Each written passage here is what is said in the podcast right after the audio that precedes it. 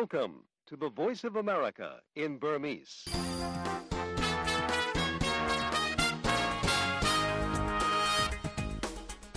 မင်္ဂလာကြပါသောတာရှင်များရှင် View American တကနေ2024ခုနှစ် February လ23ရက်အင်္ဂါညပိုင်း View မြန်မာပိုင်းအစီအစဉ်တွေကိုမြန်မာစံတော်ချိန်ည9:00နာရီကနေ10:00နာရီထိ American ပြည်ထောင်စု Washington DC မြို့တော်ကနေတည်းထုတ်လွှင့်ပေးနေပါပြီရှင်။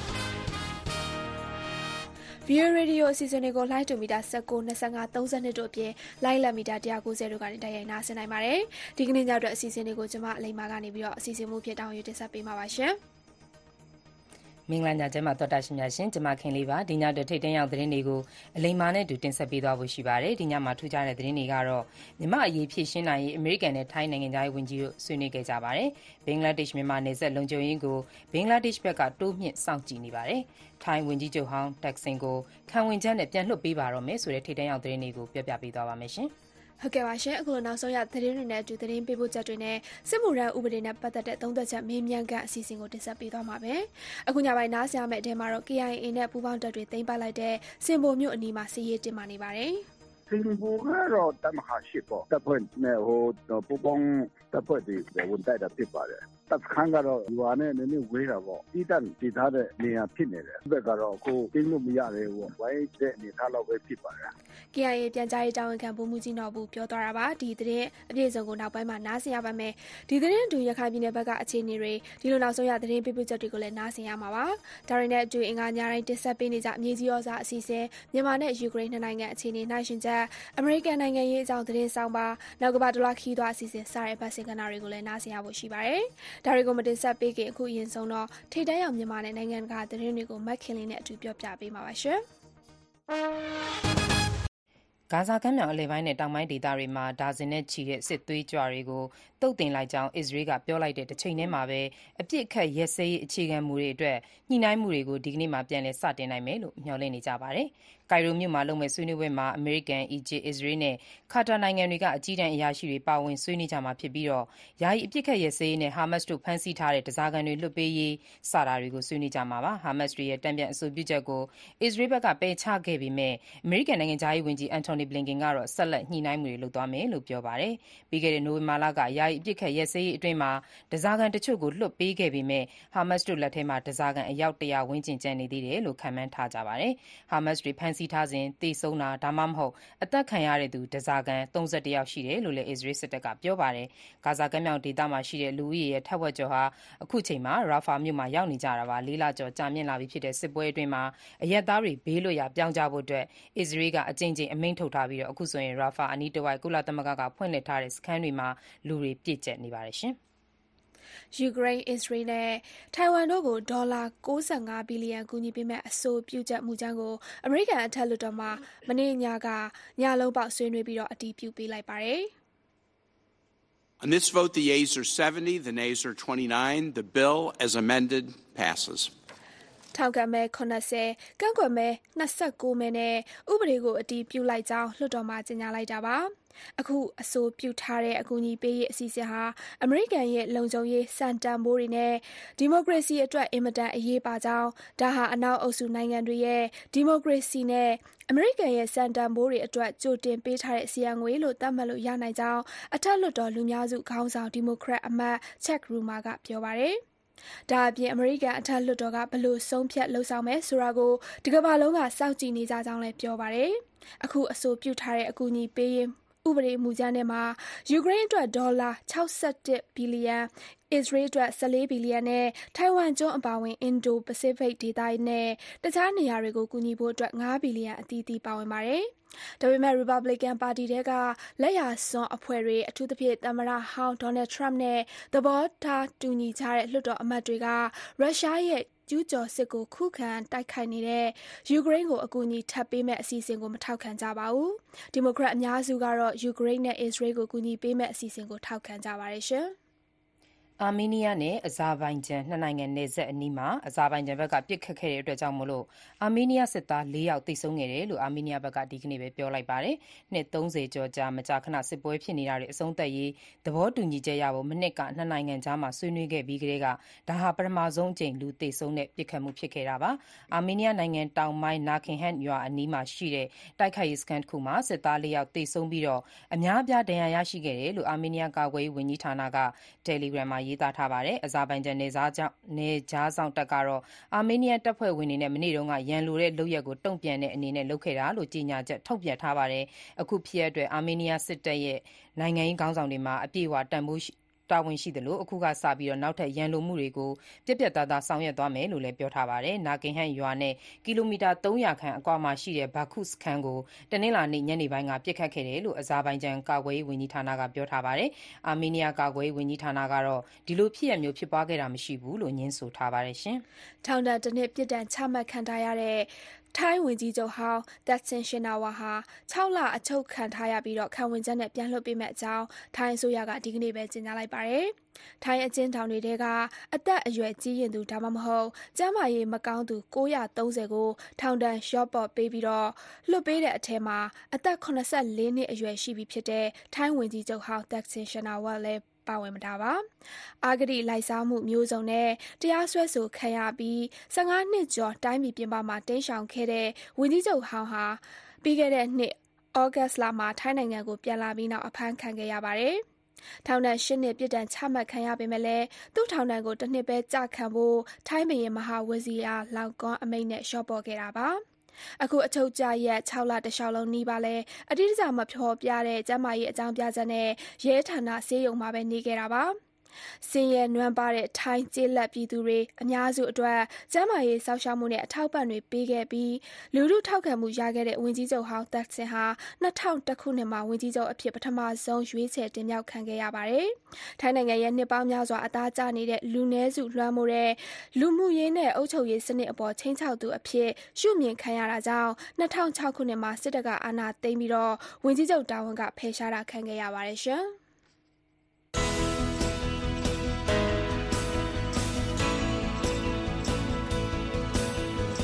VOA အမေရိကန်အသံညဘက်မြန်မာဘာသာအစီအစဉ်တွေကိုညပိုင်း9:00နာရီကနေ10:00နာရီအထိလိုင်းဒိုမီတာ19 kHz 15553ညလိုင်းဒိုမီတာ25 kHz 11883ညလိုင်းဒိုမီတာ32 kHz 9335တို့အပြင်စနေတနင်္ဂနွေမှာလိုင်းလံမီတာ190 kHz 1505တို့ကနေထုတ်လွှင့်ပေးနေပါတယ်ခင်ဗျာ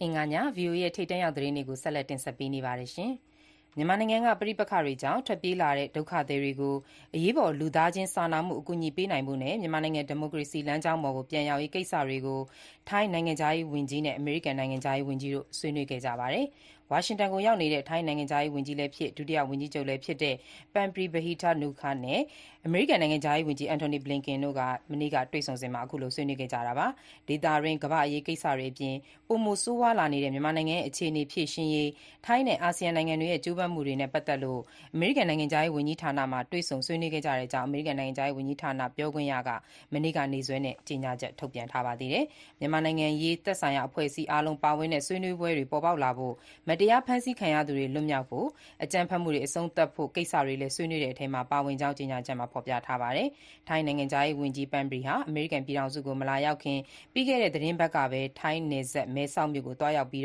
မြန်မာဒုက္ခသည်တွေအတွက် လူသားချင်းစာနာတဲ့ အကူအညီပေးရေးကိစ္စတွေကို လေ့လာခဲ့ပါသေးတယ်။တာ့ခ်ခရိုင်မှာ မြန်မာဒုက္ခသည်တွေအတွက် လူသားချင်းစာနာမှု အကူအညီတွေပေးရေး လုပ်ငန်းတွေကို ဒီလအတွင်း နှစ်နိုင်ငံ ပူးပေါင်း စတင်မယ်ဆိုပြီးတော့လည်း ပြောဆိုထားပါသေးတယ်။ ရခိုင်ပြည်နယ်က စစ်ပွဲတွေကြောင့် စစ်တွေမြို့မှာရှိတဲ့ ဘင်္ဂလားဒေ့ရှ် ကောင်စစ်ဝန်ရုံးက သံရုံးဝန်ထမ်းတွေကို ဘင်္ဂလားဒေ့ရှ်သံရုံးရှိတဲ့ ရန်ကုန်ကို စပြီး ပြောင်းရွှေ့နေပါတယ်။ရန်ကုန်မြို့ကနေ လုပ်ငန်းလည်ပတ်မယ်လို့ ဘင်္ဂလားဒေ့ရှ် နိုင်ငံခြားရေးဝန်ကြီး Hasan Mahmud ပြောဆိုတာကို Dhaka Tribune သတင်းမှာ ရေးသားထားပါတယ်။တချိန်တည်းမှာပဲ မြန်မာနိုင်ငံဘက်က ထွက်ပြေးခိုလှုံလာတဲ့ လုံခြုံရေးတပ်ဖွဲ့တွေကို နေရပ်ပြန်ပို့ဖို့ နှစ်နိုင်ငံကြား ဆွေးနွေးနေပြီး စီစဉ်နေပြီလို့လည်း ပြောပါတယ်။ မြန်မာနိုင်ငံဘက်အခြမ်းမှာဖြစ်နေတဲ့ တိုက်ပွဲတွေကြောင့် ထွက်ပြေးလာကြတဲ့ စစ်ကောင်စစ်ကောင်စီတပ်သား388ဦးရှိပြီလို့ ဘင်္ဂလားဒေ့ရှ် နိုင်ငံသားဝန်ကြီးဟက်ဆန်မာမုတ်ကဖေဖော်ဝါရီလ9ရက်နေ့က ပြောဆိုထားပါတယ်။ မြန်မာနိုင်ငံဘက်မှာဖြစ်ပွားနေတဲ့ ပဋိပက္ခကြောင့် ဒုက္ခသည်တွေ ဘင်္ဂလားဒေ့ရှ်နိုင်ငံထဲ ဒုက္ခသည်တွေ ထပ်ပြီး ဝင်လာမှာကို စိုးရိမ်တာကြောင့် နတ်မြစ်အပါအဝင် နယ်စပ်တလျှောက်မှာ ဘင်္ဂလားဒေ့ရှ် နယ်ခြားစောင့်တပ်နဲ့ ကမ်းခြေစောင့်တပ်က လုံခြုံရေးကို အထူးတင်းကျပ်ထားတဲ့အကြောင်းလည်း ပြောပါတယ်။အင်္ဂါနေ့ကလည်း ရိုဟင်ဂျာဒုက္ခသည် အယောက် ၁၀၀ လောက် ကော့ဆက်ဘဇားမှာရှိတဲ့ Teknaf ကူး တို့ဆိပ်အနီးမှာ နတ်မြစ်ကို ဖြတ်ကူးလာတဲ့အတွက် မြန်မာပြည်ဘက်ကို ပြန်ပို့ခဲ့ရတယ်လို့ ကမ်းခြေစောင့်တပ်ဖွဲ့က ပြောပါတယ်။ရခိုင်ပြည်နယ်အတွင်းရခိုင့်တပ်တော် AA နဲ့ ဖြစ်နေတဲ့ တိုက်ပွဲတွေကြောင့် စစ်ကောင်စီတပ်ဖွဲ့ဝင် ရာနဲ့ချီပြီး ဘင်္ဂလားဒေ့ရှ်ဘက် ပြီးခဲ့တဲ့ သီတင်းပတ်အတွင်း ထွက်ပြေးခဲ့ကြသလို ဒေသတွင်းမှာရှိတဲ့ ရိုဟင်ဂျာဒုက္ခသည်တွေလည်း အခုရက်ပိုင်းအတွင်းမှာဘင်္ဂလားဒေ့ရှ်ဘက်ကို ထွက်ပြေးနေပါတယ်။ ရခိုင်ပြည်နယ်မှာ စစ်ကောင်စီနဲ့ ရက္ခိုင့်တပ်တော် AA တို့ကြား လတ်တလော ဖြစ်ပွားနေတဲ့ ပဋိပက္ခတွေကြောင့် မြန်မာနိုင်ငံသားတွေ ဘင်္ဂလားဒေ့ရှ်နယ်ထဲထပ်မံဝင်ရောက်လာမှာကို စိုးရိမ်နေတဲ့အတွက် နတ်မြစ်အပါအဝင် နယ်စပ်တလျှောက်မှာ ဘင်္ဂလားဒေ့ရှ် နယ်ခြားစောင့်တပ်နဲ့ ကမ်းခြေစောင့်တပ်က သတိထားကြပ်မတ်နေပါတယ်။ရိုဟင်ဂျာ အပါအဝင် မြန်မာနိုင်ငံသားတွေ နတ်မြစ်ကို ကျော်ဖြတ်ပြီး ဝင်ရောက်လာနိုင်တဲ့အတွက် ပြီးခဲ့တဲ့ ရက်ပိုင်းကတည်းက ဘင်္ဂလားဒေ့ရှ် ကမ်းရိုးတန်းစောင့်တပ်နဲ့ နယ်ခြားစောင့်တပ်ဖွဲ့ဝင်တွေ ကင်းလှည့်နေတာတွေ့ရတယ်လို့လည်း ဒေသခံတွေက ပြောပါတယ်။ လွန်ခဲ့တဲ့ ရက်သတ္တပတ်ကလည်း မြန်မာနိုင်ငံဘက်က လှေအမြောက်အများကို ကြားဖြတ်ဟန့်တားပြီး မြန်မာဘက်ကို ပြန်လည်ပို့ဆောင်ခဲ့တယ်လို့ ဒေသတွင်း မီဒီယာတွေမှာ ဖော်ပြထားပါတယ်။အခြေအနေတွေ ဆိုးလာနေတာကြောင့် အထူးတပ်လှန့်ထားရတယ်လို့လည်း Teknaf စခန်း ကမ်းရိုးတန်းစောင့်တပ်အကြီးအကဲ ဒုတိယတပ်မှူးကြီးကပြောပါတယ်။မကြာသေးခင်ကပဲ AA နဲ့ ဖြစ်နေတဲ့ တိုက်ပွဲတွေကြောင့် မြန်မာနိုင်ငံ လုံခြုံရေးတပ်ဖွဲ့ဝင် ၃၀၀ ကျော် ဘင်္ဂလားဒေ့ရှ်နိုင်ငံကို ခိုလှုံခဲ့ကြပါသေးတယ်။သူတို့ကို နေရပ်ပြန်ပို့နိုင်ရေးအတွက်လည်း အပြီးသတ် ဆွေးနွေးနေတယ်လို့ ဘင်္ဂလားဒေ့ရှ် အာဏာပိုင်တွေက ပြောထားပါတယ်။ အိန္ဒိယနိုင်ငံမြို့တော် နယူးဒေလီကို ဦးတည်ချီတက်လာတဲ့ ဆန္ဒပြလယ်သမားတွေကို ရဲတပ်ဖွဲ့က ဒီကနေ့ မျက်ရည်ယိုဗုံးတွေအသုံးပြု လူစုခွဲ ဖမ်းဆီး ထိန်းသိမ်းခဲ့ပါတယ်။လယ်ထွန်စက်တွေ ထရပ်ကားတွေနဲ့ လိုက်ပါလာတဲ့ ထောင်နဲ့ချီရှိတဲ့ လယ်သမားတွေကို မြောက်ပိုင်းဟာရီယားနားပြည်နယ်အနီးမှာ ရဲတပ်ဖွဲ့က မျက်ရည်ယိုဗုံးတွေကို ဒရုန်းနဲ့ပစ်ချ လူစုခွဲခဲ့တာပါ။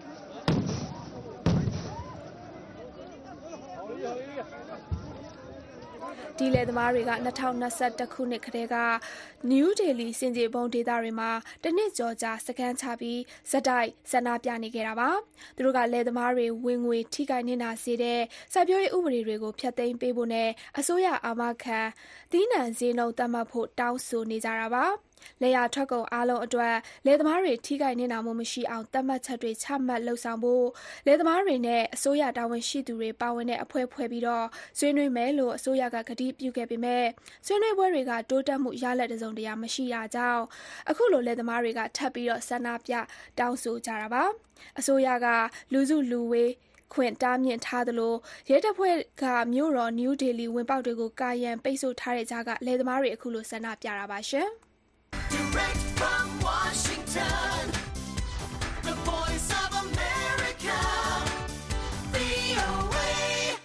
နောက်ဆုံးရသတင်းတွေကိုမခင်လေးနဲ့အတူကျမအလိမ္မာတို့ကပြောပြပေးခဲ့တာပါ။အခုဆက်ပြီးနောက်ဆုံးရသတင်းပေးပို့ချက်တွေကိုတင်ဆက်ပေးသွားပါမယ်။အရင်ဆုံးတော့ကချင်ပြည်နယ်မြစ်ကြီးနားမြို့ဘက်ကအခြေအနေကိုပြောပြပေးချင်ပါတယ်။ ကချင်ပြည်နယ် မြစ်ကြီးနားမြို့နယ်က ဆင်ဘိုမြို့ကို KIA နဲ့ ပူးပေါင်းတပ်တွေက ထိန်းချုပ်လိုက်ကြောင်း KIA က ကြေညာလိုက်ပါတယ်။ဒါပေမဲ့လည်း မြို့အနီးမှာရှိတဲ့ စစ်ကောင်စီတပ်စခန်းကို မသိမ်းနိုင်သေးတာကြောင့် စစ်ရေးအခြေအနေ ဆက်လက်တင်းမာနေပါတယ်။ဖားကန့်မြို့နယ်ထဲမှာလည်း ဒီရက်ပိုင်းအတွင်း တိုက်ပွဲတွေ ပြင်းထန်ခဲ့တာကြောင့် ဖားကန့်-ကာမိုင်းလမ်းမှာ ၃ ရက်လောက် ကားအသွားအလာတွေ ရပ်နားနေခဲ့ပါတယ်။ဒီကနေ့မှာတော့ ကားတွေ စတင်သွားလာနေကြောင်း ဒေသခံတွေက ပြောပါတယ်။ကချင်ပြည်နယ်က စစ်ရေးတင်းမာမှု နောက်ဆုံးအခြေအနေနဲ့ ပတ်သက်လို့ ရန်ကုန်ကသတင်းပေးပို့ထားတာကိုကိုစည်သူကပြောပြပါမယ်။မြစ်ကြီးနားမြို့နယ်ကဆင်ဘိုမြို့ကိုကချင်လွတ်မြောက်ရေးတပ် KIA နဲ့ပူးပေါင်းတပ်တွေကဒီလ၁၀ရက်နေ့ကသိမ်းယူခဲ့တာဖြစ်ပြီး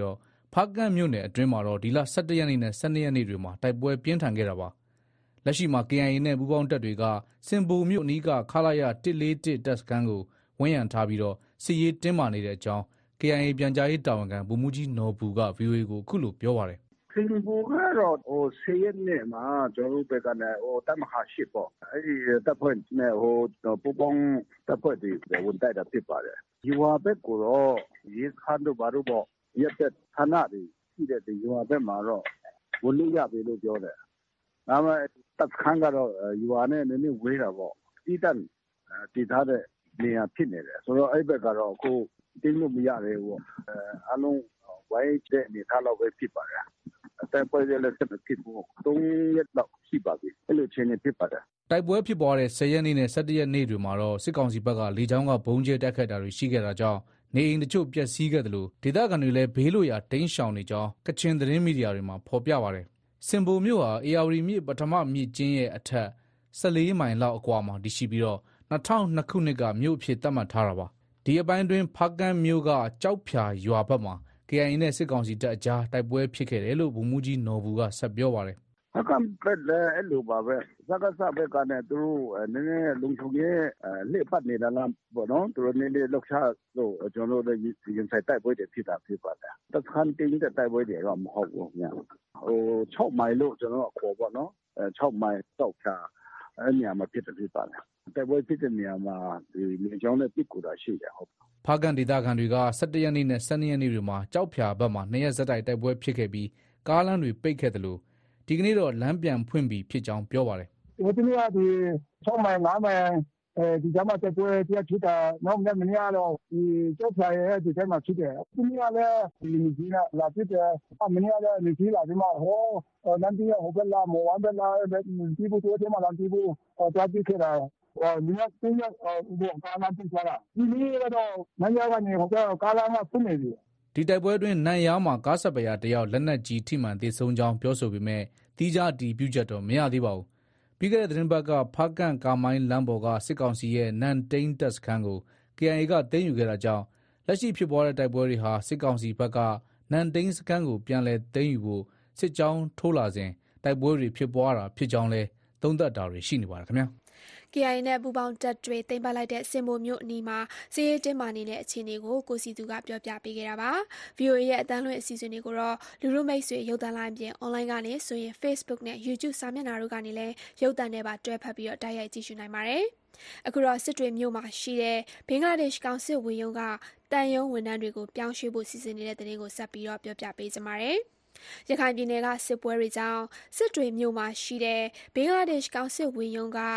တန်ယုံဝန်ထမ်းတွေရန်ကုန်ကိုပြောင်းရွှေ့ဖို့စီစဉ်နေပါတယ်။တိုက်ပွဲတွေပြင်းထန်လာနေတာနဲ့အမျှနယ်စပ်မှာလည်းဘင်္ဂလားဒေ့ရှ်ကလုံခြုံရေးတိုးမြင့်နေပါတယ်။မြန်မာနဲ့ဘင်္ဂလားဒေ့ရှ်နယ်စပ်လုံခြုံရေးအခြေအနေနဲ့ပတ်သက်လို့ရန်ကုန်ကသတင်းပေးပို့ထားတာကိုအခြေခံပြီးတော့ကိုစံကျော်ကပြောပြပေးပါရှင်။လုံခြုံရေးအခြေအနေကြောင့်စစ်တွေမြို့မှာရှိတဲ့ကောင်စစ်ဝင်ရုံးကဝန်ထမ်းတွေကို ရန်ကုန်ကို ရွှေ့ပြောင်းပေးနေကြောင်း ဘင်္ဂလားဒေ့ရှ် နိုင်ငံခြားရေးဝန်ကြီးကို ကိုးကားပြီး ဘင်္ဂလားဒေ့ရှ် သတင်းတွေက ဖော်ပြနေပါတယ်။ရန်ကုန်မြို့က ဘင်္ဂလားဒေ့ရှ်သံရုံး ကောင်စစ်ဌာန အရာရှိတဦးကတော့ သူတို့အနေနဲ့ ဒီကိစ္စဟာ ပြင်ပကို ပြောလို့မရသေးတဲ့ ကိစ္စရပ်ဖြစ်ကြောင်း VOA ကို ပြောပါတယ်။ official uh, position.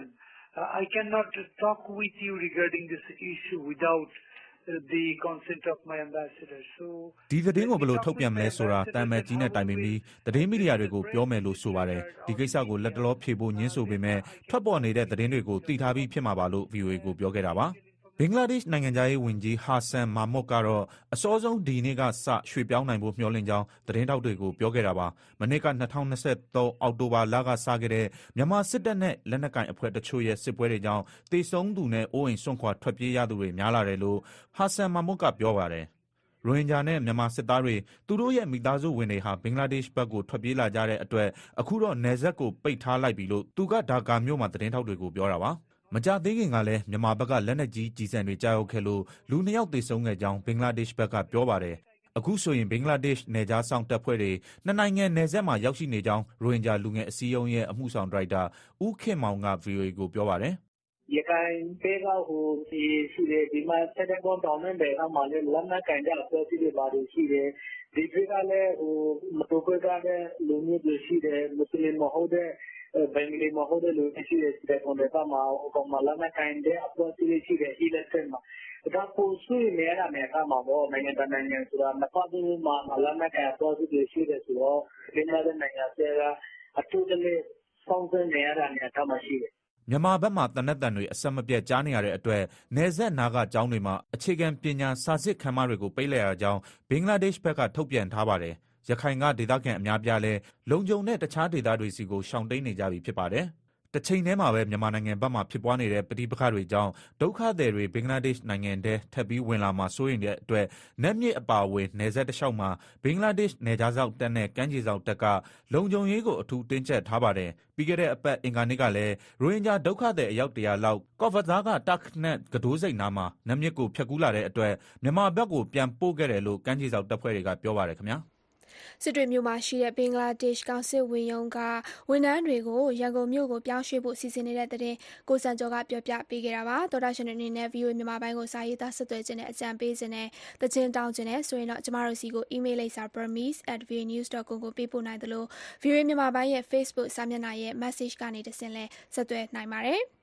အခုဆက်ပြီးတော့စစ်မှုထမ်းဥပဒေနဲ့ပတ်သက်ပြီးဆက်သွယ်မေးမြန်းထားတာကိုမတင်ဆက်ပေးခင်မှာရခိုင်ပြည်နယ်ဘက်မှာတက္ကသိုလ်ဝင်စာမေးပွဲနဲ့ပတ်သက်ပြီးတော့လုံခြုံရေးအခြေအနေဒေသခံတွေစိုးရိမ်နေကြတဲ့သတင်းကိုဆက်ပြီးတော့ပြောပြပေးကြပါမယ်။မြန်မာနိုင်ငံမှာဒီနှစ်2024ခုနှစ်တက္ကသိုလ်ဝင်စာမေးပွဲတွေကျင်းပဖို့အာဏာပိုင်တွေဘက်ကစီစဉ်နေကြပေမဲ့ရခိုင်ပြည်နယ်မှာတော့လုံခြုံရေးအခြေအနေကိုဒေသခံတွေစိုးရိမ်နေကြပါတယ်။မကြသေးခင်လတွေကဆက်လို့ တိုက်ပွဲတွေပြင်းထန်လာနေတာကြောင့် ရခိုင်ပြည်နယ်မှာ စာမေးပွဲကျင်းပနိုင်မဲ့အခြေအနေအပေါ် မေးခွန်းထုတ်နေကြပါတယ်။ဒီကြောင့်ရန်ကုန်က သတင်းပေးပို့ထားတာကို အခြေခံပြီးတော့မမြသစင်အောင်ကပြောပြပေးမှာပါရှင်။2023-2024ပညာသင်နှစ် တက္ကသိုလ်ဝင်စာမေးပွဲကို ပြည်내နဲ့တိုင်းလိုက် ကျင်းပဖို့ စစ်ကောင်စီ ပညာရေးဝန်ကြီးဌာနက ဆောင်ရွက်နေပါတယ်။အဲ့ဒီထဲမှာ ရခိုင်ပြည်နယ်လည်း ပါဝင်ပါတယ်။ရခိုင်ပြည်နယ်မှာလက်တလော တိုက်ပွဲတွေ ပြင်းထန်နေပြီး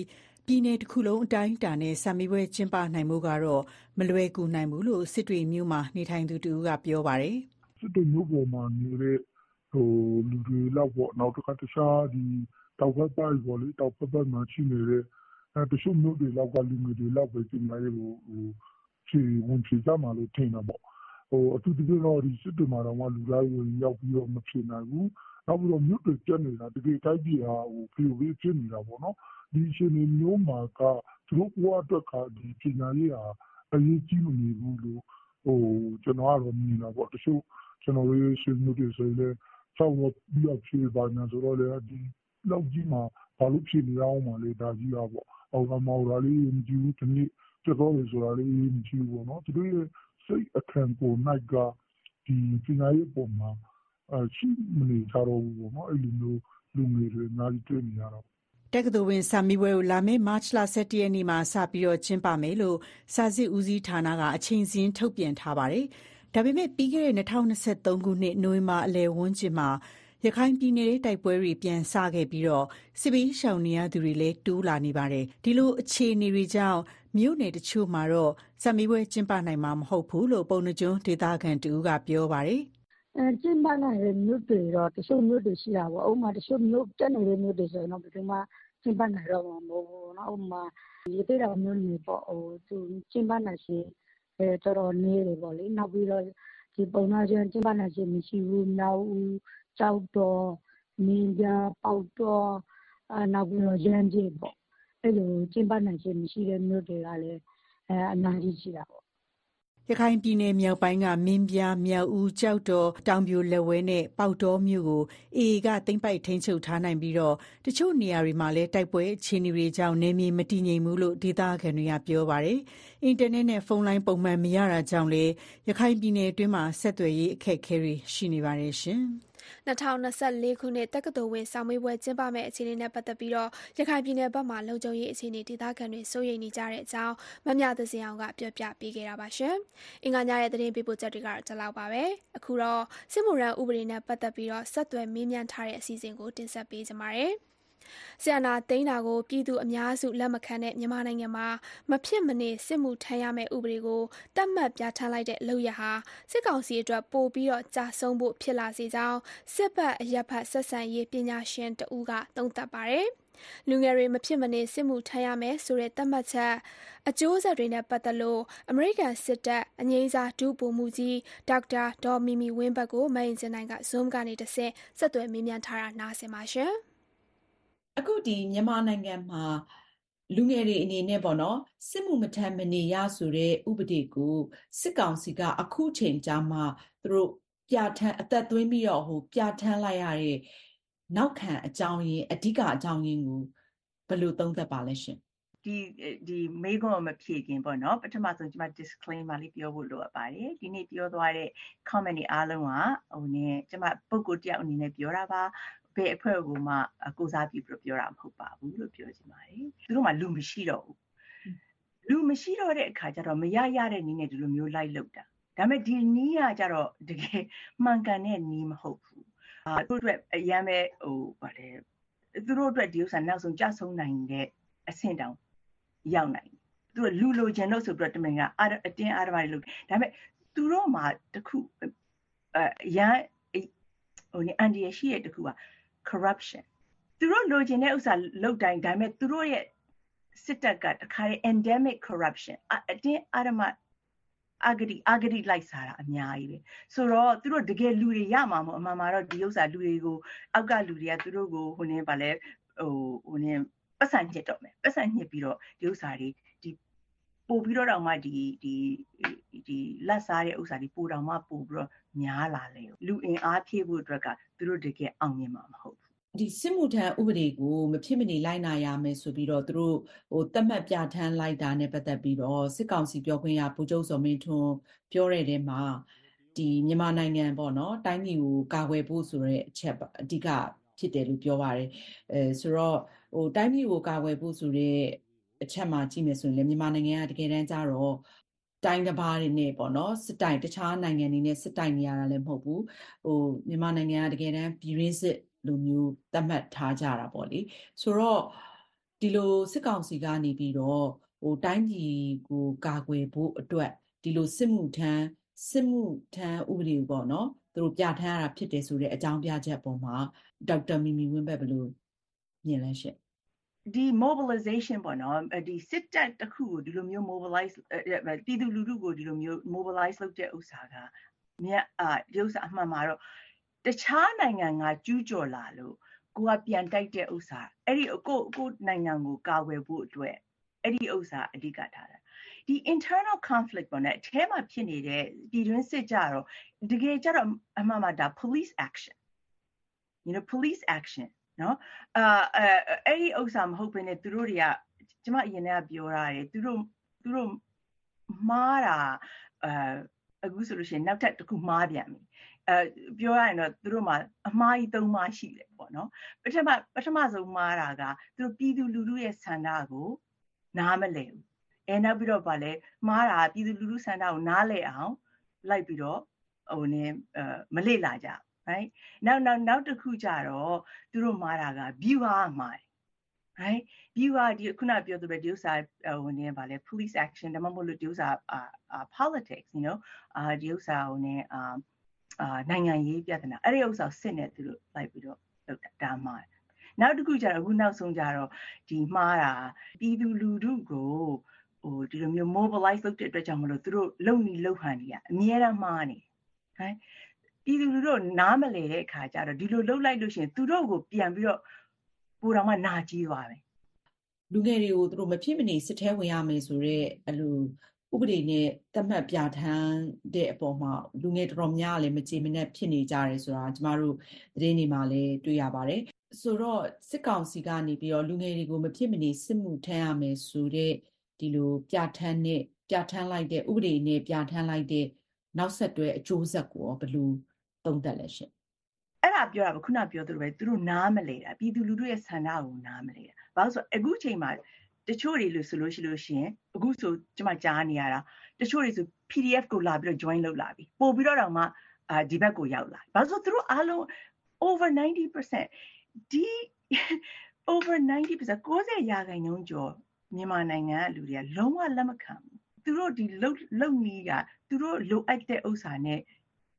ဘယ်လိုမှဖြစ်နိုင်မှာမဟုတ်ဘူးအမှန်မှာတော့တကယ်ကြောင်းပြန်ပြန်ဖြစ်သွားတာစစ်မှုထမ်းဥပဒေနဲ့ပတ်သက်ပြီးတော့အမေရိကန်စစ်တပ်အငြိမ်းစားဒုဗိုလ်မှူးကြီးဒေါက်တာဒေါ်မီမီဝင်းဘတ်ကိုမင်းစင်တိုင်းကဆက်သွယ်မေးမြန်းထားတာပါရှင်။ VOA ရဲ့မြန်မာဘာသာအတန်းလွင့်အစီအစဉ်တွေကိုရုပ်သံနဲ့ပါတွဲဖက်ပြီးတော့ည10:00နာရီအထိတိုက်ရိုက်ထုတ်လွှင့်ပေးနေပါတယ်။မကြခင်ထုတ်လွှင့်ပေးမယ့်အစီအစဉ်ဒုတိယပိုင်းမှာတော့ မြမစိုက်ပျိုးရေးကဏ္ဍအပေါ် ရိုက်ခတ်လာနိုင်တဲ့ စစ်မှုထမ်းဥပဒေကြောင့်တိဆက်ပေးထားတဲ့ မြေကြီးဩဇာအစီအစဉ် မြန်မာနဲ့ ယူကရိန်း နှစ်နိုင်ငံအခြေအနေနိုင်ရှင်ချက် အမေရိကန်နိုင်ငံရေးအကြောင်း သတင်းဆောင်ပါစတဲ့ အပတ်စဉ်ကဏ္ဍတွေကို နားဆင်ရဖို့ရှိပါတယ်။ VOA American တန်ရဲ့ ရုပ်သံထုတ်လွှင့်မှုတွေကို နေ့စဉ်24နာရီပတ်လုံး ဖမ်းယူကြည့်ရှုနိုင်ပါပြီ။လူမှုမိတ်ဆွေ ရုပ်သံလိုင်းကနေ နေ့စဉ်24နာရီ ရုပ်မြင်သံကြား ထုတ်လွှင့်မှုအဖြစ် VOA American တန်နဲ့ RFA လွတ်လပ်တဲ့အာရှအသံမြန်မာဘာသာအစီအစဉ်တွေကို American ပြည်အောင်စု Washington မြို့တော်ကနေအချိန်ပြည့်ထုတ်လွှင့်တင်ဆက်ပေးနေတာပါ။မြန်မာနိုင်ငံရဲ့နောက်ဆုံးရသတင်းတွေအပြင်အာရှဒေသနဲ့ကမ္ဘာတစ်လွှားကအချိန်နဲ့မျှဖြစ်ထွန်းမှုသတင်းမှန်တွေအပတ်စဉ်ကဏ္ဍတွေနဲ့နိုင်ငံရေးစကားဝိုင်းအစီအစဉ်တွေးဆုံမေးမြန်းခန်းတို့ကိုကြည့်ရှုကြရမှာပါလူရုမိတ်ဆွေရုပ်တံလိုင်းကိုဖမ်းယူကြည့်ရှုခြင်းနဲ့ဆိုရင် UDEL Chat 70B Asia Bin ဂျိုတို့ Channel 101ဒါမှမဟုတ် Timecom 6ဂျိုတို့ Channel 123တို့ကနေဖမ်းယူကြည့်ရှုနိုင်ပါတယ်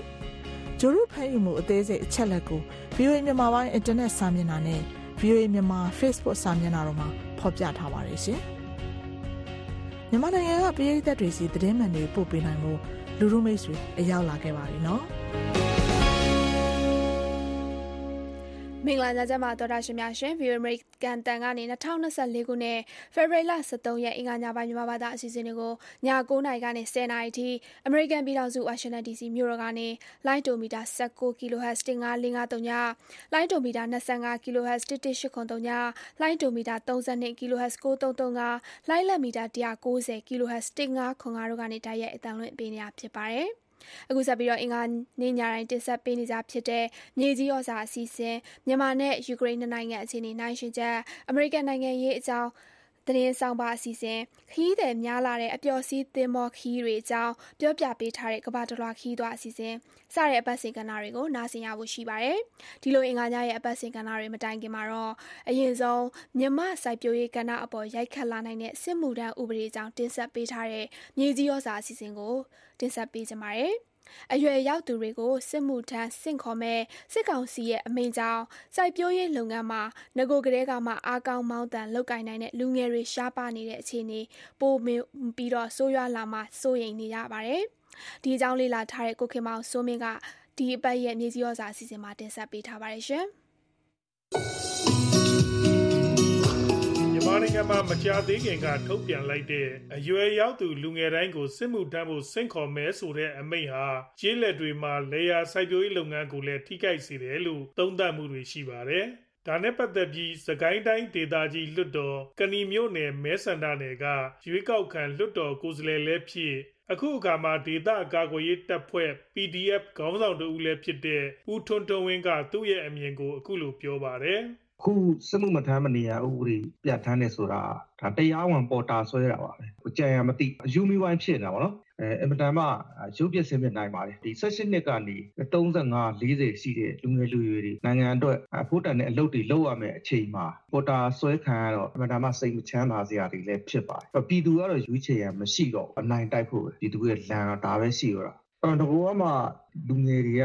ရှားပါတာနော်အဲအဲ့ဒီလိုအခြေအနေမှာတောင်သူလေလုပ်ငန်းခွန်တွေကတော်တော်လေးကိုလက်ဟာပို့ပြီးအများကြီးရှိတယ်တခင်မဲ့လေယာတွေပေါ့ဒါမျိုးတွေတိုးလာဒီလေယာလုပ်ငန်းကတွက်ချေမကိုက်လို့ရှိတယ်ကြံရိတ်ခဲ့တဲ့ဒေတာမှာကြံရိတ်ခဲ့တဲ့တကယ်လုံနိုင်ကိုင်နိုင်တဲ့လူငယ်တွေလူရွယ်တွေပေါ်တာဆွဲခံမှာတော့သိရတယ်ဒီနေ့တောင်သူတွေစပားတွေတိတ်နေကြတယ်ကြက်တော်တွေစိုက်နေကြတယ်အဲနှွေးစပားအတွက်တချို့ပြင်ဆင်နေကြတယ်ဒီလိုအခြေအနေမျိုးတွေမှာအဲဒီလိုပေါ်တာဆွဲခြင်းအပြင်တော့လေယာလုပ်ငန်းအတွက်အများကြီးထိခိုက်နေတာတယ် တိုင်းပြည်ကိုတော့ဖတ်စေလို့မရအောင်ဖျက်ဆီးပစ်လိုက်တာပဲဖြစ်ပါတယ်စစ်အာဏာသိမ်းပြီးနောက်ပိုင်းကျေးလက်တွေမှာလူငယ်တွေဟာမိမိကျေးရွာကနေထွက်ခွာပြီးလုံခြုံစိတ်ချဘေးကင်းတဲ့ဒေသတွေမြို့ကြီးတွေနဲ့အိမ်နီးချင်းနိုင်ငံတွေကိုထွက်ခွာသွားကြတဲ့အတွက်စိုက်ပျိုးရေးကဏ္ဍမှာလှုပ်သားရှားပါးခဲ့ကြပါတယ်။ အဲအခုတခါလူငယ်တွေကိုရွေးပြီးမဖြစ်မနေစစ်မှုထမ်းရမယ်ဆိုတဲ့အမိန့်ကိုစစ်ကောင်စီကထုတ်ပြန်လိုက်တဲ့အခါမှာတော့ငကိုကမှစိုက်ပျိုးရေးမှာအင်အားသုံးအလုပ်လုပ်နိုင်တဲ့လူငယ်တွေရှားပါးကုန်ရာကနေလုံးလုံးမရှိတဲ့အဆင့်ကိုတောင်ရောက်နိုင်တယ်လို့ရှုမြင်ကုန်ကြပါတယ်။အဲ့ဒီအတွက်စိုက်ပျိုးရေးလုပ်ငန်းတွေမှာလောက်အားကတွေအစမတန်ဈေးကြီးကုန်တာတွေဖြစ်လာနိုင်တယ်လို့မြေလက်ဒေတာစိုက်ပျိုးရေးဂျာနယ်အယ်ဒီတာတူကပြောပါတယ်။ ဟိုလေယာလုပ်ငန်းဝင်ကလူတယောက်ကိုတခြားနေရာမှာခေါ်သွားလို့ဆိုရင်တော့ဒါလေယာလုပ်ငန်းဝင်မှာတော့လူသမားရှားပါတာပေါ့အခုကဥပဒေကတော့ပြဋ္ဌာန်းလိုက်ပြီမဖြစ်မနေတော့စစ်မှုထမ်းမှာတော့စစ်မှုထမ်းကြရမှာပေါ့ဘလို့ပုံစံနဲ့ခေါ်မှာလဲကိုခေါ်မှာလားဒါမှမဟုတ်ဥယျကနခေါ်မှာလားအလှက်ကြခေါ်မှာလားအဲ့ဟာတွေကဘာမှမလာသေးဘူးမပါတဲ့လူတွေလည်းပြေးမှာပဲဒါကတော့လူသမားရှားမှုပြဿနာမဖြစ်မနေကြုံလာနိုင်တာပေါ့အဲ့ဒါတော့သိကြတာပေါ့ လေယာလုပ်ငန်းဝင်ကိုကြက်တဲသွားနိုင်လားဆိုတော့လုတ်အားကောင်းကောင်းလုပ်နိုင်တဲ့လူရှားသွားတာပေါ့လုတ်အားကောင်းကောင်းလူငယ်ဆိုတာလုတ်အားကောင်းကောင်းလုပ်နိုင်တယ်ကောက်ဆိုင်ဈေးတွေဈေးကြီးမယ်လေလေယာပွဲလုပ်ငန်းဝင်လို့ပမာမလိုက်လိုက်ရှင်အောင်သွားတဲ့လူတွေဈေးကြီးသွားမှာပေါ့ကုန်ထိုးစိတ်ဈေးကြီးသွားမှာပေါ့ကြီးသွားဈေးကြီးမှနိုင်တာပေါ့နော်လုတ်အားကမြင်မလာနိုင်တာပေါ့ မနေ့ကဆိုရင် မကွေးတိုင်းအေယာဝတီမြစ်အနောက်ဘက်ဒေသတွေမှာ စစ်ကောင်စီဂိတ်တွေက ကားတွေကိုတားပြီး ခရီးသည်တွေတဲက လူငယ်လူရွယ်တွေကိုရွေးပြီး နာမည်နဲ့နေရက်ကို မှတ်တမ်းယူတာတွေလုပ်တာရှိခဲ့ပါတယ်။အလားတူပဲပြည်တွင်းစစ်ဖြစ်နေတဲ့မုံရွာအပါအဝင်အညာဒေသကမြို့ကြီးတချို့မှာစစ်ကောင်စီကစစ်ဆေးတင်းကျပ်မှုတွေများလာတဲ့အတွက်လူငယ်လူရွယ်တွေအသွားအလာနည်းနေကြတယ်လို့သိရပါတယ်။စစ်ကောင်စီကိုလက်နက်ကင်ဆန့်ကျင်နေကြတဲ့အဖွဲ့အစည်းတွေကတော့လူငယ်လူရွယ်တွေအနေနဲ့အရမစစ်သားစုဆောင်းခံရမှာကိုရှောင်ရှားတဲ့အနေနဲ့သူတို့အဖွဲ့အစည်းတွေမှာလာရောက်ပူးပေါင်းကြဖို့ဖိတ်ခေါ်နေပါတယ်။ ဒါနဲ့ပတ်သက်ပြီးမြေလက်အညာဒေသကလယ်သမားမိဘတဦးကအခုအချိန်ကြီးဟာလူငယ်တွေကိုဇာတိရရွာမှာမနေနိုင်အောင်လုပ်လိုက်တဲ့အတွက်လေယာစိုက်ပျိုးရေးလုပ်ငန်းကိုဘုံဘုံလဲသွားအောင်လုပ်ရာရောက်တယ်လို့စစ်ကောင်စီစန့်ကျင်ရေးလက်နက်ကင်တပ်ဖွဲ့တွေတဲကိုလူငယ်တွေကိုတွန်းပို့ရလဲရောက်စေတယ်လို့ပြောပါတယ်အခုမနေ့ကပဲအရန်ကောင်ကလစ်ဖို့ထွက်ဖို့လုပ်နေတာကျွန်တော်မသွားနိုင်ဘူးပြောထားလို့ထွက်ရတဲ့ဘောက်ကထွက်ကြမယ်ဆိုလို့တော့ထွက်ဆောင်လို့လုပ်နေတာ အဲ့ဒါနဲ့ကျွန်တော်အခုမသွားနိုင်ဘူးဖြည်းဖြည်းချင်းမှစဉ်းစားလို့ပြောထားတာဒီမှာစစ်ဟွာတွေလိုက်ကောက်နေပြီတော်တော်များများပေါ့ဒီအဲ့တော့ကျူတင်ပြင်ဆင်မှုတွေလုပ်ကြတယ်ညာတော့အပြင်တော့ဒေါ်လာကြီးဖွဲ့တွေဝင်လိမ့်မယ်ထင်တဲ့ပုံစံကြည့်ရတာ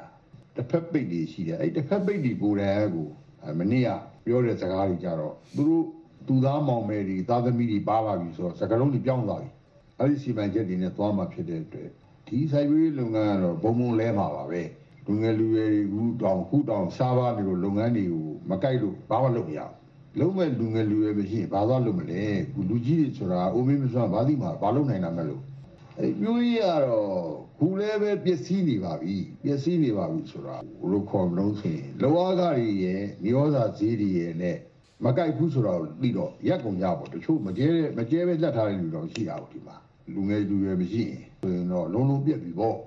မဖြစ်မနေစစ်မှုထမ်းရမယ်ဆိုတဲ့အမိန့်ကိုဒီလဖေဖော်ဝါရီ10ရက်နေ့ကစစ်ကောင်စီခေါင်းဆောင်ဗိုလ်ချုပ်မှုကြီးမင်းအောင်လှိုင်အမိန့်နဲ့ထုတ်ပြန်ခဲ့ပါတယ်။ အဲ့ဒီစစ်မှုတန်းစင့်ခေါ်တဲ့ဥပဒေကိုစစ်အာဏာရှင်ဟောင်းဗိုလ်ချုပ်မှုကြီးတန်းရွှေက2010ခုနှစ်နိုဝင်ဘာလဆန်းကပြဋ္ဌာန်းခဲ့ပါတယ်။အဲ့ဒီဥပဒေအရအမျိုးသမီးဆိုရင်အသက်18နှစ်ကနေ28နှစ်အမျိုးသားဆိုရင်အသက်18နှစ်ကနေ35နှစ်စတဲ့လူငယ်တွေနှစ်နှစ်တိတိစစ်မှုထမ်းကြရမှာဖြစ်ပါတယ်။ အဲတခါပညာရပ်ဆိုင်ရာကျွမ်းကျင်သူ အမျိုးသမီးဆိုရင် အသက်18နှစ်ကနေ35နှစ် အမျိုးသားဆိုရင် အသက်18နှစ်ကနေ45နှစ် အဲ့ဒီလူတွေက3နှစ်တိတိ စစ်မှုထမ်းကြရမယ်လို့ ပါရှိပါတယ် ဒါပေမဲ့လည်း အရေးပေါ်အခြေအနေ ဆက်ဖြစ်နေရင်တော့9နှစ်တိတိ စစ်မှုထမ်းကြရမယ်လို့လည်း ပြဋ္ဌာန်းထားပါတယ်။ကင်းလွတ်ခွင့်ရှိသူတွေအနေနဲ့ကတော့မတန်ဆွမ်းတဲ့ ဘုံကြီးမေတီလာရင်အပါအဝင်ဘာသာရေးဆိုင်ရာပုဂ္ဂိုလ်တွေအိမ်တောင်ရှင်အမျိုးသမီးတွေဖြစ်ကြပါတယ်။စစ်ကောင်စီအနေနဲ့အဲ့ဒီလိုစစ်မှုမထမ်းမနေရ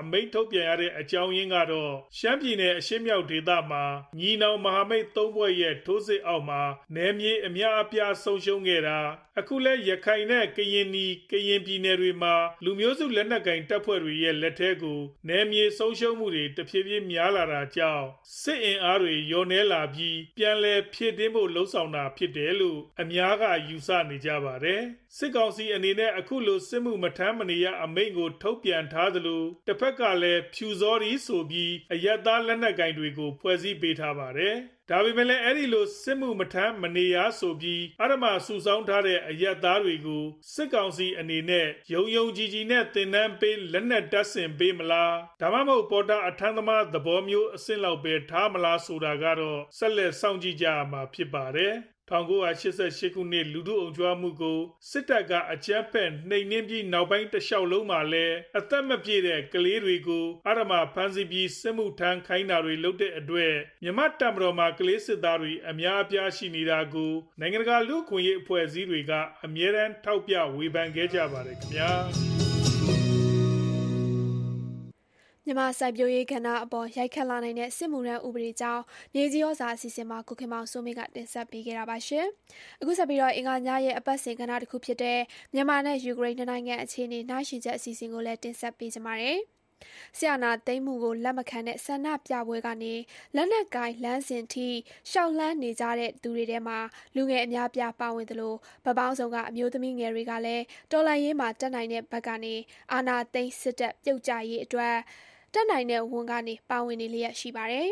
ဒီຫນွေဦးတော်လှန်ရေးထဲမှာအမျိုးသမီးတွေဘာကြောင့်ပါဝင်နေရသလဲပြီးတော့အမျိုးသမီးပါဝင်မှုကဏ္ဍဘလောက်အရေးကြီးလဲဆိုတာကိုယူကရိန်းမြန်မာနိုင်ရှင်ချက်အစီအစဉ်ကနေဟောက်စာကတင်ဆက်ပေးထားပါတယ်ရှင်။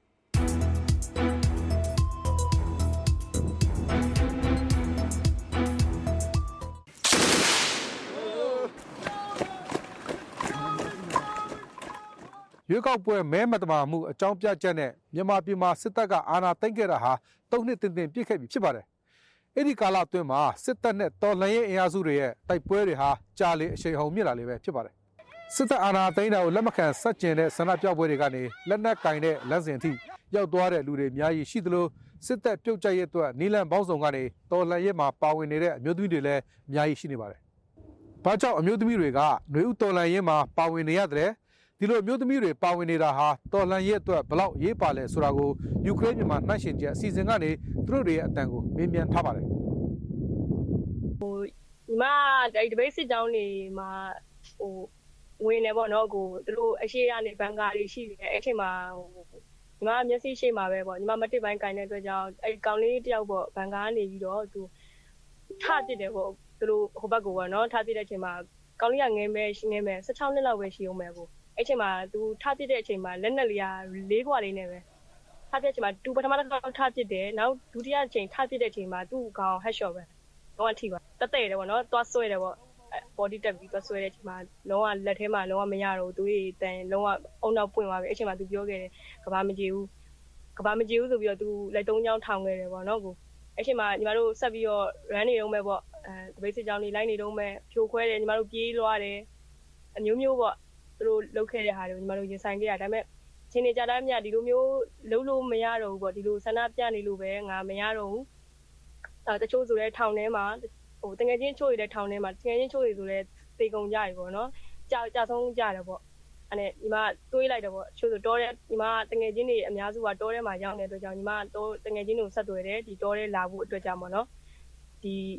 စစ်အာဏာရှင်ကိုဒေါ်လာမှုအတွက်ကဒီလိုဒီလို ပြည်သူတယောက်အနေနဲ့ဆန္ဒထုတ်ဖော်လို့လုံးဝမရတော့ဘူးညီမတို့လက်နက်ကင်လမ်းစဉ်ကိုရွေးခဲ့မယ်ဆိုပြီးတော့ညီမဒီလက်နက်ကင်လမ်းစဉ်ကိုရွေးချယ်ခဲ့တာပါကိုမွန်ပြည်နယ်ခြေဆိုင်ပြည်သူ့ကာကွယ်ရေးတပ် MSRO အဖွဲ့ကတက်ကြက်ကြီးစရေးရဲဘော်အင်းကြီးပြောသွားတာပဲဖြစ်ပါတယ်ဒီဒီအမျိုးသမီးတွေဒီအခုပါဝင်ပြီးတော့ဒီသူတို့အတွက် တော်အတော်လှန်ရေးပါဝင်ပြီးတော့ဒီဒီမိုကရေစီပြန်ရအောင်လုပ်တဲ့ဥစ္စာမထူအထူးတော့မထူးဆန်းပါဘူးဒါမြန်မာရဲ့သမိုင်းနဲ့ရှင်လိုက်လို့ရှင်တော့နည်းနည်းထူးဆန်းတာပေါ့နော်ဒါပေမဲ့ဒီအခုအချိန်မှာပြန်ပြီးတော့ကြည့်လိုက်အမျိုးသမီးတွေကသူတို့ရဲ့အခွင့်အရေးလိုချင်တယ်အဲဒါကြောင့်မလို့လဲသူတို့ဟိုပါဝင်ပြီးတော့အာအာအာဒီတော်လှန်ရေးမှာပါဝင်ကြတယ်အာအခုအချိန်မှာတော်လှန်ရေးဘက်ကတကယ်တိုးတက်မယ်တကယ်အောင်မြင်ပို့ပြီးတော့ဒီထက်အောင်မြင်ခြင်းနဲ့ဆိုလို့ရှိရင်အမျိုးသမီးတွေအားလုံးကို level အားလုံးမှာ level အတိုင်းတိုင်းမှာပေါ့နော်ပါဝင်ဖို့အာအာပါဝင်ပြီးတော့အသုံးချဖို့ပို့ပြီးတော့အရေးကြီးတယ်အပါဝင်တဲ့အခါမှာကျတော့ဒါ tokenism မဟုတ်ဘူးတယောက်ဒီမှာဟိုတယောက်ဒီနာမဟုတ်ဘူးအ ਨੇ ဆုံးကျမတို့ဗာလဲ research you know ကျမတို့သုတေသနလုပ်ထားတဲ့အခါမှာတွေ့တာကအ ਨੇ ဆုံး30ရာခိုင်နှုန်းအဖွဲ့တစ်ခုဟာအမျိုးသမီး30ရာခိုင်နှုန်းပါလာလို့ရှိရင်ဒီအဖွဲ့ရဲ့ you know စွမ်းရည်ပေါ့နော်စွမ်းစွမ်းရည်စွမ်းအင်တွေကပို့ပြီးတော့ တိုးတက်လာတယ်လို့ကျမတို့တွေ့ရတယ် right ဒါပေမဲ့ကျမတို့ data ပြနေတာအနည်းဆုံး90ရာခိုင်နှုန်းက you know အာဒီဒီအမျိုးသမီးပါဝင်နေတယ်ဆိုတော့ပြန်ကြည့်လိုက်လို့ရှိရင်90ရာခိုင်နှုန်းမပါဘူးဆိုလို့ရှိရင်ကိုယ်မှာအပြည့်အစုံမရှိဘူးလို့ပြောလို့ရတယ်အမေရိကန်စစ်ဘက်အရာရှိဟောင်းဒေါက်တာမီမီဝင်းဘက်ရဲ့သုံးသက်ချက်ပဲဖြစ်ပါတယ်ဟုတ်ကဲ့အဲဒီတော်လန်ရေးကာလမှာပေါ့နော်အဲကဏ္ဍပေါင်းစုံရှိမယ်ပေါ့နော်အခုလိုအဲစစ်ရှောင်း ပြည်သူတွေမှာပဲဖြစ်ဖြစ်ဒီလို volunteer လုပ်နေတဲ့သူတွေမှာပဲဖြစ်ဖြစ်တချို့တော့ resistant group တွေမှာပဲဖြစ်ဖြစ်ပေါ့ဆိုတော့အအားအားလုံးမှာကဏ္ဍပေါင်းစုံမှာနေရာပေါင်းစုံမှာအဖွဲ့အစည်းပေါင်းစုံမှာအမျိုးသမီးတွေကပါဝင်မှုကအရန်ကိုအရေးကြီးတယ်ဆိုတာကိုတွေ့ရတယ်အဖွဲ့အစည်းတိုင်းမှာဟိုပြောမယ်ဆိုရင်ခုနအဒီအမျိုးသားတစ်ဖွဲ့ထဲပဲပါနေလေမပြည့်စုံဘူးဆိုတာလည်းတွေ့ရတယ် အဲနောက်ပြီးတော့မှကျမတို့ဒီရုံတွင်းစီမံခန့်ခွဲမှုဆိုလို့ရှိရင်လည်းအာအဲအမျိုးသားဖြစ်ခြင်းမျိုးသမီးဖြစ်ခြင်းပေါ်မှာပြောမယ်ဆိုအားနဲ့ချက်အတာချက်ကိုစီရှိကြတယ်ကျမတို့အဖွဲ့ထဲမှာအနိဆက်ဆောက်ပြောမယ်ဆိုရင်တချို့ကတော့อืมအဲဆုံးဖြတ်ချက်ရမ်းမြန်တယ်ပေါ့နော်တချို့မျိုးသားတွေကကျမတို့တချို့မျိုးသမီးတွေဆိုရှင်တေချာစဉ်းစားပြီးတယ်ဒါပေမဲ့ကျမတို့အရန်စဉ်းစားတယ်သူတို့ကတော့ဆုံးဖြတ်ချက်မြန်မြန်ထားတယ်ဒီနှစ်ခုယော်လိုက်တဲ့အခါမှာကျမတို့သစီ ရှင်ကကောင်းချလာနိုင်တယ်ပြီးတော့စိစက်တီချမှုပေါ့နော်ဒါတော့အမျိုးသမီးအမျိုးသားဖြစ်ခြင်းအမျိုးသမီးဖြစ်ခြင်းပုံမှာတော့အာခွဲခြားပြီးတော့မှပြောရတော့မဟုတ်ဒါပေမဲ့ဟိုကျမတို့လက်ရှိအတွေ့မြင်နေကြရတဲ့ပတ်ဝန်းကျင်တော်တော်များများမှာအမျိုးသမီးတော်တော်များအရင်စိစက်တယ်ပေါ့နော်ဆိုတော့ဟို finance အပိုင်းမှာပဲဖြစ်ဖြစ် logistic အပိုင်းမှာပဲဖြစ်ဖြစ်ပေါ့နော်ဆိုတော့အဲ့လိုအပိုင်းမှာဆိုရင်အရင်စိစက်အဲအရင်စိစက်တီချတဲ့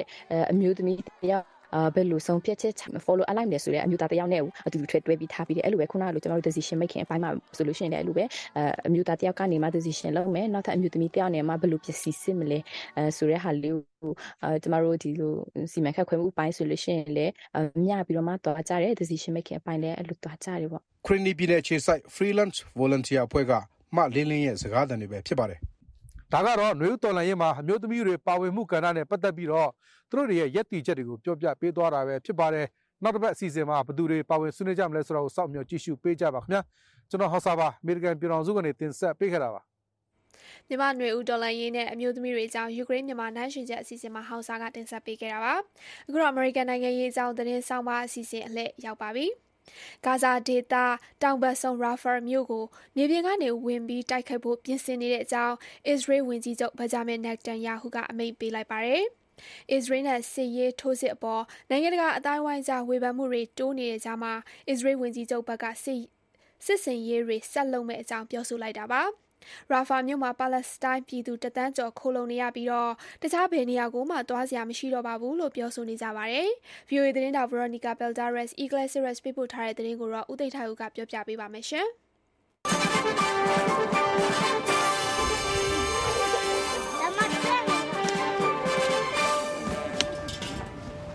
ဂါဇာဒေသ အစ္စရေးရဲ့ ထိုးစစ်ကတိတ်ကိုလွန်နေပြီတိတ်ကိုများနေပြီဆိုပြီး အမေရိကန်သမ္မတဂျိုးဘိုင်ဒန်က ဝေဖန်ပြောဆိုခဲ့ပြီးရက်ပိုင်းအတွင်းမှာပဲအစ္စရေးဝန်ကြီးချုပ်ဘင်ဂျမင်နတန်ညာဟုကရာဖာမြို့ကိုတိုက်ခိုက်မဲ့စစ်စင်ရေးအကြောင်းပြောဆိုခဲ့တာပါအစ္စရေးနိုင်ငံသား1200လောက်သေဆုံးခဲ့ပြီး240လောက်ကိုတစားကန်အဖြစ်ပြန်ပေးဆွဲခဲ့တဲ့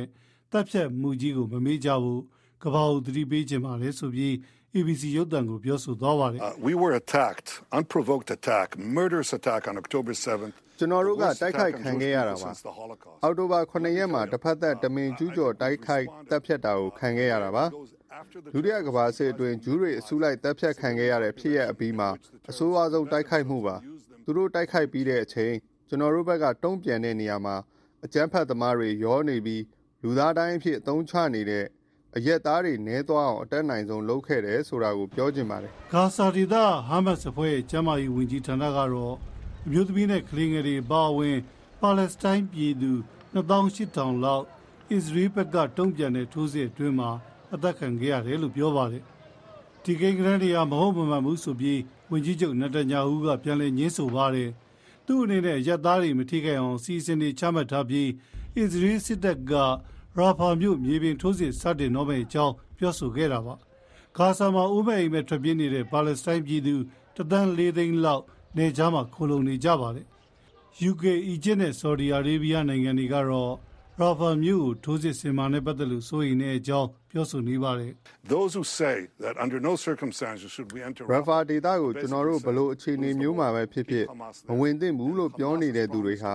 အခြေခံအဖြစ်စစ်ကိုအရှုံးပေးလိုက်တာပါ အောက်တိုဘာ ၇ ရက် သတ်ဖြတ်မှုမျိုး အကြိမ်ကြိမ် ကျူးလွန်ဖို့ ကတိပေးနေတဲ့ ဟာမတ်စ်တွေကို အဲဒီမှာ ဆက်နေခွင့်ပေးလိုက်တာပါ။ Rafah မြို့ ယာယီတဲတွေအောက် ခိုလှုံနေတဲ့ မိသားစုတွေကတော့ သူတို့မှာ သွားစရာနေရာ မရှိတော့ဘူးလို့ ပြောနေကြတာပါ။“ဒီထက်ပိုပြီး နေစရာမရှိ စွန့်ခွာထွက်ပြေးရမယ်ဆိုရင် ကျမတို့ ထပ်ပြီး မပြောင်းရွှေ့နိုင်တော့ပါဘူး။တဘက်က အီဂျစ်နယ်ခြား၊တဘက်က Rafah အရှေ့ဘက် ထပ်ပြီး ပြောင်းရွှေ့သွားလာလို့ မရတော့ပါဘူး။” ဒေတော်တွင်အစ္စရေးနိုင်ငံတယ်လ်အဗီမြို့မှာလည်းဟာမတ်စ်လက်ထက်ကျန်နေတဲ့ဒဇာကန်တွေလွတ်မြောက်ရေးကြိုးပမ်းပေးဖို့အစိုးရကိုတောင်းဆိုတဲ့ဆန္ဒပြပွဲတွေကျင်းပနေပါတယ်။အဲရလုံးဝေးပြေးလမ်းမကြီးကိုပိတ်ပြီးစနေနေ့ကဆန္ဒပြပွဲတွေပေါ်ပေါက်ခဲ့တာပါ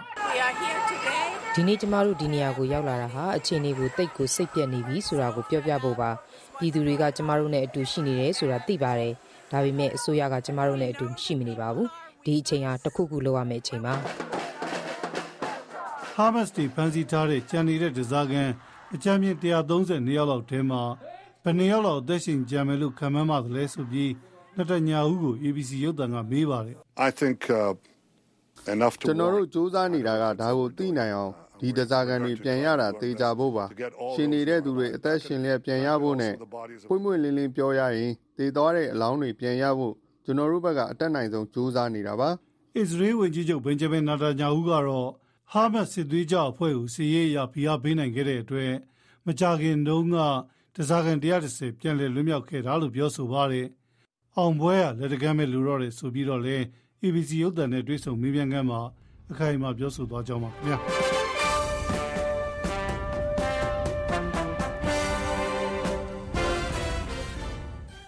အမေရိကန်နိုင်ငံရေးအကြောင်းသတင်းဆောင်မအစီအစဉ်ကို ဦးသိန်းထိုင်ဦးကတင်ဆက်ပေးခဲ့တာပါအခုတော့ကမ္ဘာတလွှာခီးသွားအစီအစဉ်အလှည့်ပါဒီတစ်ပတ်တော့ခီးသည်များလာတဲ့အပျော်စီးသင်းမောခီးတွေအကြောင်းပြောပြပေးထားပါတယ်2024ခုနှစ်ထဲမှာသင်းမောနဲ့အပျော်ခီးထွက်သူတွေပိုများလာမယ်လို့ခီးသွားလုပ်ငန်းတွေကခန့်မှန်းထားပါတယ်သင်းမောစီးပြီးတော့စိန်ခံခီးစွန်စားခီးသွားနေကြသူတွေဘာကြောင့်ပိုများလာတယ်လဲဆိုတာကိုမဆုမြတ်မွန်နဲ့အတူကမ္ဘာတလွှာခီးသွားအစီအစဉ်ကနေတွားကြည့်ရအောင်ပါရှင်။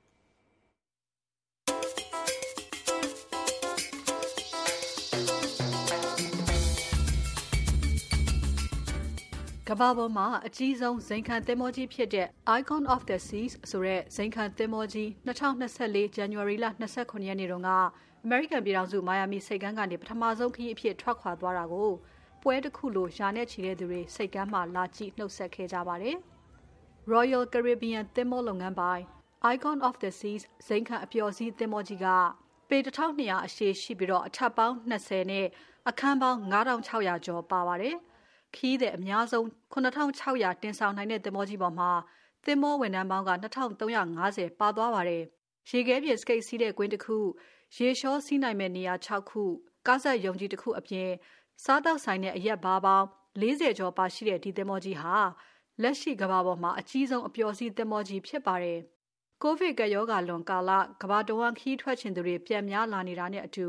အခုလိုသင်္ဘောကြီးတွေစီးပြီးတော့ဇိမ်ခံခရီး စွန့်စားခရီးထွက်သူတွေလည်းတိတိတသားများလာနေတယ်လို့ခီးသွားလုပ်ငန်းလုပ်သူတွေကပြောပြကြပါတယ်။ဗြိတိန်နိုင်ငံလန်ဒန်မြို့မှာ February လဆန်းကလေးရက်ပြုလုပ်ခဲ့တဲ့ခီးသွားလုပ်ငန်းဆိုင်ရာကုန်စည်ပြပွဲကြီးကို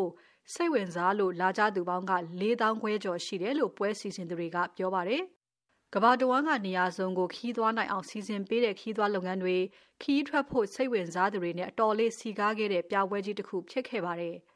အပန်းဖြေသင်္ဘောကြီးတွေစီးပြီးခီးထွက်ချင်သူတွေအထူးများလာတာတွေ့ရတယ်လို့ The Times သတင်းစာကြီးရဲ့ခီးသွားကဏ္ဍဆိုင်ရာအကြီးအကဲကပြောပြပါတယ်။ What we've seen since the pandemic is the most incredible renaissance for the industry. ကိုဗစ်ကပ်ရောဂါကြီးပြီးသွားတဲ့နောက်ပိုင်းအပျော်စီးသင်္ဘောခရီးသွားလုပ်ငန်းတွေအတွက်တိတ်အားရစရာကောင်းလောက်အောင်ပြန်ခေတ်စားလာတာတွေ့ရပါတယ်။ သင်္ဘောစီခရီးထွက်ချင်နေကြသူတွေတင်မဟုတ်ပဲခရီးထွက်ဖို့ဘိုကင်လုပ်ကြသူတွေပါတိတိတတ်တာများလာတာတွေ့ရပါတယ်။နောက်ဆယ်နှစ်အတွင်းအသစ်ပြေးဆွဲကြမဲ့သင်္ဘောတွေတန်းစီနေတယ်လို့အဲ့ဒီသင်္ဘောကြီးတွေနဲ့ခရီးထွက်ဖို့ဘိုကင်တွေပါပြည့်နေပါပြီ။အပျော်စီးသင်္ဘောလုပ်ငန်းတွေကလည်း2025နဲ့2026အတွက်ဘိုကင်တွေစယူနေကြပါပြီ။အခုလိုသင်္ဘောကြီးတွေနဲ့ခရီးထွက်ကြသူတွေများလာတဲ့အထက်မှာအပန်းဖြေနေရာမျိုးတွေသွားကြတာတွေမဟုတ်ဘဲ လူသွားနေတဲ့နေရာမျိုးဆွန့်ဆွန့်စားစားသွားကြသူတွေလည်းပိုများလာနေတယ်လို့အဲ့ဒီခီးစဉ်မျိုးတွေကိုစီစဉ်ပေးနေတဲ့လုပ်ငန်းတွေကပြောပါတယ်။ကမ္ဘာတောင်ဝင်ရိုးစွန်းမှာရှိတဲ့အန်တာတိကတိုက်ထဲကသဘာဝအလှတွေကိုခန်းစားနိုင်မဲ့ခရီးမျိုးကရေပန်းအစားဆုံးဖြစ်နေတယ်လို့နော်ဝေးနိုင်ငံကအပျော်စီးသင်္ဘောခီးလုပ်ငန်းကပြောပြပါတယ်။ What's been really, really exciting since the pandemic is that more and more people want that trip of a lifetime. ကယောဂလွန်ကာလမှာစိတ်ဝင်စားဖို့ကောင်းတာကတသက်တစ်ခါခရီးမျိုးသွားကျင်ကြသူတွေ ဒီနေရာကိုတော့မရောက်ရအောင်သွားမယ်လို့စရင်လှုပ်ထားသူမျိုးတွေခီးထွက်နေကြတာပိုပြီးတော့များလာပါတယ်။အဲဒါကြောင့်အန်တာတိကတိုက်သွားတာမျိုးမိတောင်ကျွန်းစုတွေစီသွားတာမျိုးတွေပိုပြီးတော့ခက်စားလာပါတယ်။တနေ့နှစ်နှစ်လောက်ခီးထွက်လို့မရနိုင်တဲ့အခြေအနေကြုံခဲ့ကြတော့ထူးထူးခြားခြားဆွန့်ဆွန့်စားစားနေရာတွေကိုပဲအခုပဲမရောက်ရအောင်သွားမယ်ဆိုတဲ့သူတွေတကယ်ကိုများလာပါတယ်။အရင်တုန်းကနော်ဝေနိုင်ငံတော်ဝိုင်းအပျော်စီးခီးစဉ်တွေစီစဉ်ပေးတဲ့သူတို့ကုမ္ပဏီကအခုဆိုရင်အန်တာတိကတိုက်ကိုခီးထွက်ချင်သူတွေအတွက် သင်္ဘော ၄ စီးနဲ့ခီးစဉ်တွေ ပို့ဆောင်ပေးနေရပါတယ်။အပျော်စီးသင်္ဘောခီးထွက်သူတွေတိတိတတ်တာများလာနေပေမဲ့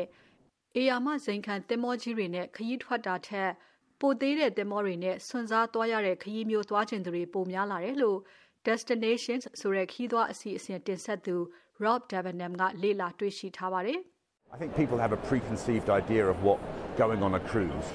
is like အပျော်စီးသင်းမောနဲ့ခီးထွက်ရင်ဘလို့ဖြစ်မလဲဆိုတဲ့အမြင်တွေလူတွေမှာရှိထားပြီးသားလို့ထင်ပါတယ်တချို့က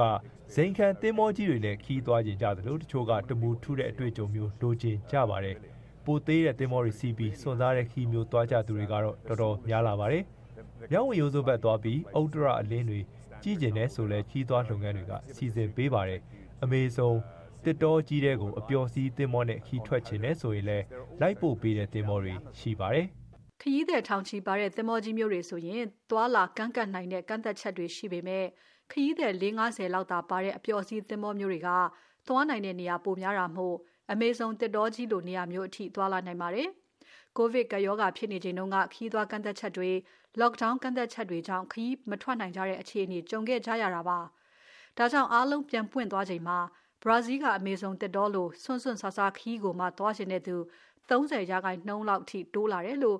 Amazon ဒေသခရီးစဉ်တွေကိုသာတီးသန့်စီစဉ်ပေးတဲ့ tour operator ကပြောပြပါတယ်။ think we uh, we began to be understand our mortality တေချင်းတရားကိုကျွန်တော်တို့စတင်နားလည်လာကြတာလို့ထင်ပါတယ်အကန့်အသတ်တွေရှိနိုင်တယ်ဆိုတာကိုလည်းမြင်ခဲ့ကြရတော့မျက်မှောက်ကာလမျိုးထပ်မရှိနိုင်ဘူးဒါကြောင့်ကဘာပေါ်မှာမြင်ဘူးခြင်းရောက်ဖူးခြင်းတဲ့နေရာတွေစီကိုချက်ချင်းထသွားလိုက်တာအသေးချာဆုံးပဲလို့မြင်လာကြတာဖြစ်ပါတယ်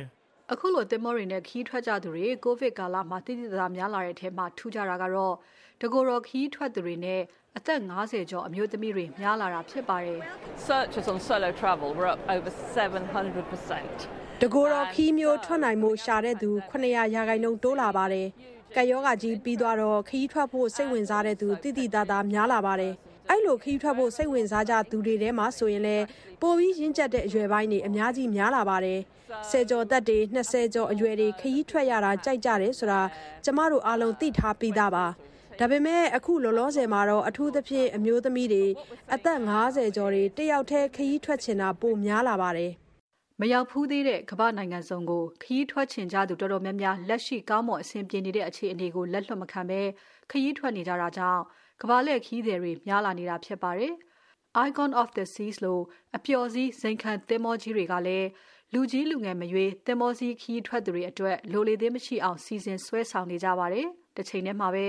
တဘာဝပတ်ဝန်းကျင်ကိုမထိခိုက်စေတဲ့တာဝန်သိခီးစဉ်မျိုးတွေတကူရောစွန့်စားသွားနိုင်တဲ့ခီးတွေကိုလည်းခီးသွားလုပ်ငန်းတွေကအပြိုင်စီစဉ်ပေးနေကြပါတယ်ရှင်။ကျွန်မဆုမြတ်မော်ပါ ခီးတဲ့များလာတဲ့အပျော်စီးသင်္ဘောခီးတွေအကြောင်းမဆုမြတ်မွန်တင်ဆက်ပေးခဲ့တဲ့ကဘာတလွားခီးသွားအစီအစဉ်မှာနားဆင်ခဲ့ကြရတာပါ။အင်္ဂါညရဲ့အပတ်စဉ်အစီအစဉ်တွေကတော့ဒီလောက်ပါပဲရှင်။အင်္ဂါညအတွက်အစီအစဉ်တွေမကြခင်ပြီးဆုံးတော့မှာမို့အခုဆက်ပြီးတော့အင်္ဂါညရဲ့သတင်းအချင်းချုပ်ကိုမခင်လေးကပြောပြပေးမှာပါရှင်။ မြန်မာနိုင်ငံကပြည်ပခါတွေကြောင့်ထွက်ပြေးလာတဲ့ဒုက္ခသည်တွေကိုအရေးပေါ်လူသားချင်းစာနာမှုအကူအညီပေးနိုင်မှုနဲ့မြန်မာနိုင်ငံဒီမိုကရေစီလမ်းကြောင်းပေါ်ပြန်ရောက်ရေးကိစ္စတွေကိုထိုင်းနိုင်ငံသားရေးဝန်ကြီးနဲ့အမေရိကန်နိုင်ငံသားရေးဝန်ကြီးတို့ဆွေးနွေးခဲ့ကြပါတယ်။ဝါရှင်တန်ကိုရောက်နေတဲ့ထိုင်းနိုင်ငံသားရေးဝန်ကြီးလည်းဖြစ်ဒုတိယဝန်ကြီးချုပ်လည်းဖြစ်တဲ့ပန်ပရီဘဟီတာနုခန်နဲ့အမေရိကန်နိုင်ငံသားရေးဝန်ကြီးအန်တိုနီဘလင်ကင်တို့မနေ့ကတွေ့ဆုံစဉ်မှာအခုလိုဆွေးနွေးခဲ့ကြတာပါ။အမေရိကန်နိုင်ငံသားရေးဝန်ကြီးဌာနပြောခွင့်ရကလည်းပုံမဆိုးဝါးလာနေတဲ့မြန်မာနိုင်ငံအခြေအနေဖြည့်ရှင်းနဲ့ပတ်သက်လို့ဆွေးနွေးတဲ့အကြောင်းမနေ့ကနေ့စွဲနဲ့ ကြေညာချက်ထုတ်ပြန်ထားပါတယ်။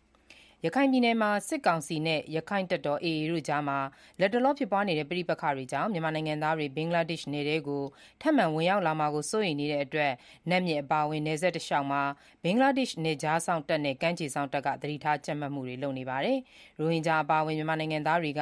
နတ်မြစ်ကိုဖြတ်ကျော်ပြီး ဝင်ရောက်လာနိုင်တဲ့အတွက် ပြီးခဲ့တဲ့ရက်ပိုင်းကတည်းက ဘင်္ဂလားဒေ့ရှ် ကမ်းရိုးတန်းစောင့်တပ်နဲ့ နယ်ခြားစောင့်တပ်ဖွဲ့ဝင်တွေ ကင်းလှည့်နေတာကို တွေ့ရတယ်လို့ ဒေသခံတွေက ပြောပါတယ်။လွန်ခဲ့တဲ့ ရက်သတ္တပတ်ကလည်း မြန်မာနိုင်ငံဘက်ကလာတဲ့ လှေအမြောက်အများကို ကြားဖြတ်ဟန့်တားပြီးမြန်မာနိုင်ငံဘက်ကို ပြန်လည်ပို့ဆောင်ခဲ့တယ်လို့ ဒေသတွင်း မီဒီယာတွေမှာ ဖော်ပြထားပါတယ်။